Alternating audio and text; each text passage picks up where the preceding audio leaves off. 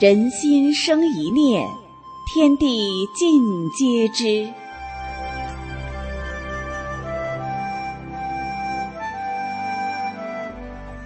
听众朋友您好，欢迎收听明慧广播电台《善恶一念间》节目。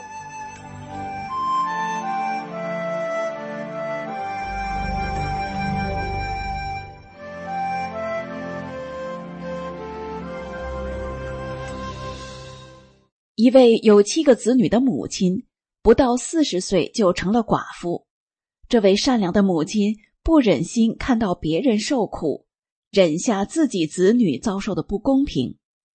多年后，子女们都得了福报。下面是其中一位女儿讲的她家的故事。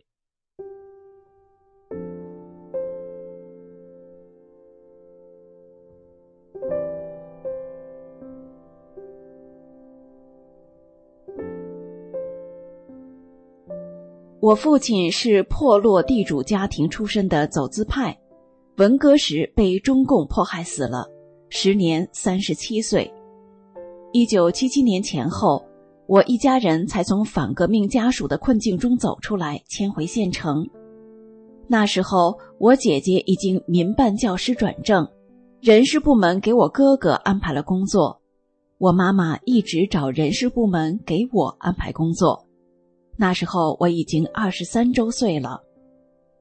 大概是一九七七年的秋天，妈妈又去找一个干部说：“你二姑娘到某单位上班都好几个月了，你还找啥？”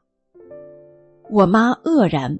那人说：“手续就是我办的，我能不知道吗？”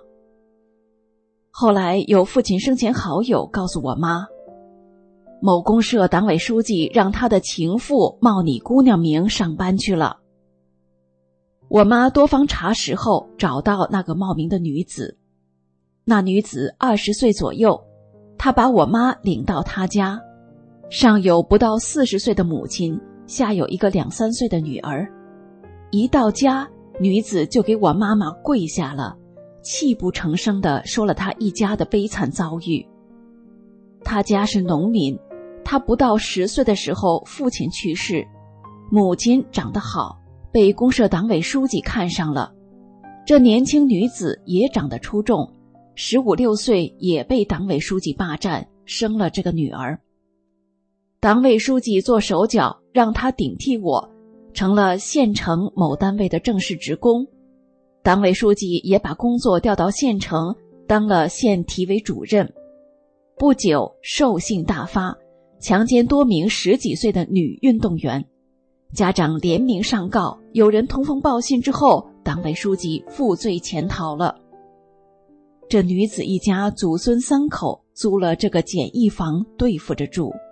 他说他们没脸回农村老家，如果他的这份工作没了，一家三口就只有死路一条。我妈心软了，大哭一场。什么也没说就走了。妈妈怕家里人不答应，直到七七年底我参加高考，考上了本省某重点大学以后，才说了这个事儿。妈妈多善良啊，放弃自己女儿的前程，却成全伤害了我一家的人。那时候我妈心里很苦，觉得对不起我，又不忍心告那家人。如果我当时有工作，就不能参加高考了，得挣钱养家。我还有四个弟弟妹妹要养活。我考上大学，不仅改变了命运，也给弟弟妹妹带来了希望。尤其是我弟弟，他从初中就开始逃学，常常早上背书包走了，一整天都不知道跑哪儿玩去了。妈妈常常拎个烧火棍到处找他。我接到录取通知书的第二天早上，弟弟郑重地说：“妈，你再不用操心了，我从今天起好好念书，我也要考大学。”两年后，弟弟真的上了大学，三个妹妹也很努力，分别读大学、读中专。我兄妹七人，有当职员的，有当官的，有当医生、当教师的，而且子女们都很好。我和母亲更是有幸走进了法轮大法修炼，这是多大的福报啊！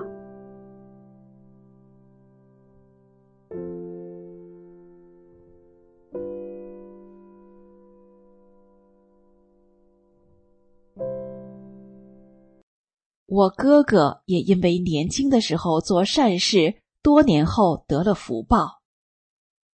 哥哥在公社供销社当营业员，在物资极度匮乏的上个世纪七八十年代，营业员是个不错的职业。大约在一九八零年，父亲生前的一位老部下的女儿在林场就业了，当护林员。这个工作，二十岁的女孩做不了。辛苦不说，让狼啊狗啊吓一吓也够呛，遇上歹人就更不得了了。他上班几个月都是他妈妈陪他，不上班吧，工作太难找了，尤其农村。万般无奈，他父母求我母亲想跟我哥换工作。面对这过分的请求，我妈妈出于善良，也因为抹不开情面，就答应了。哥哥也很善良，也答应了。换工作后，哥哥天天拎个镰刀护林，风里雨里，一天要走几十里，很辛苦。几次遇到盗伐人员的暴力威胁，有一次险些受到人身伤害。危急中，我哥哥提起了父亲的名字，对方才住手。父亲当政的时候做过很多善事。救急救灾几乎是有求必应，在这一片口碑极好。不得已，妈妈托人把哥哥的工作调到另外一个林场，就不用护林了。我哥哥六十岁从国营林场退休，现在退休金涨到五千多了，这不又是好人有好报吗？我家的两次福报。能证实善恶有报的天理，也能从侧面反映出中共的邪与恶。家庭出身不被中共认可，我父亲这样的好人就没有立足之地。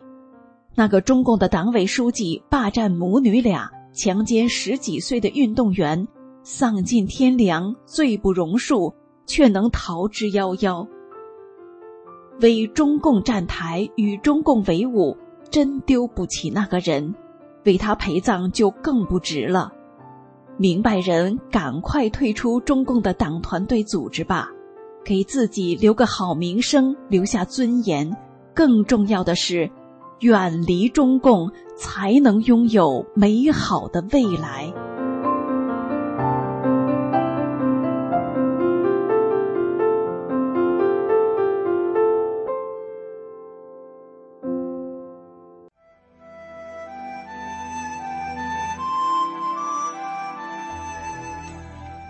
听众朋友，今天的善恶一念间就到这里，感谢您的收听。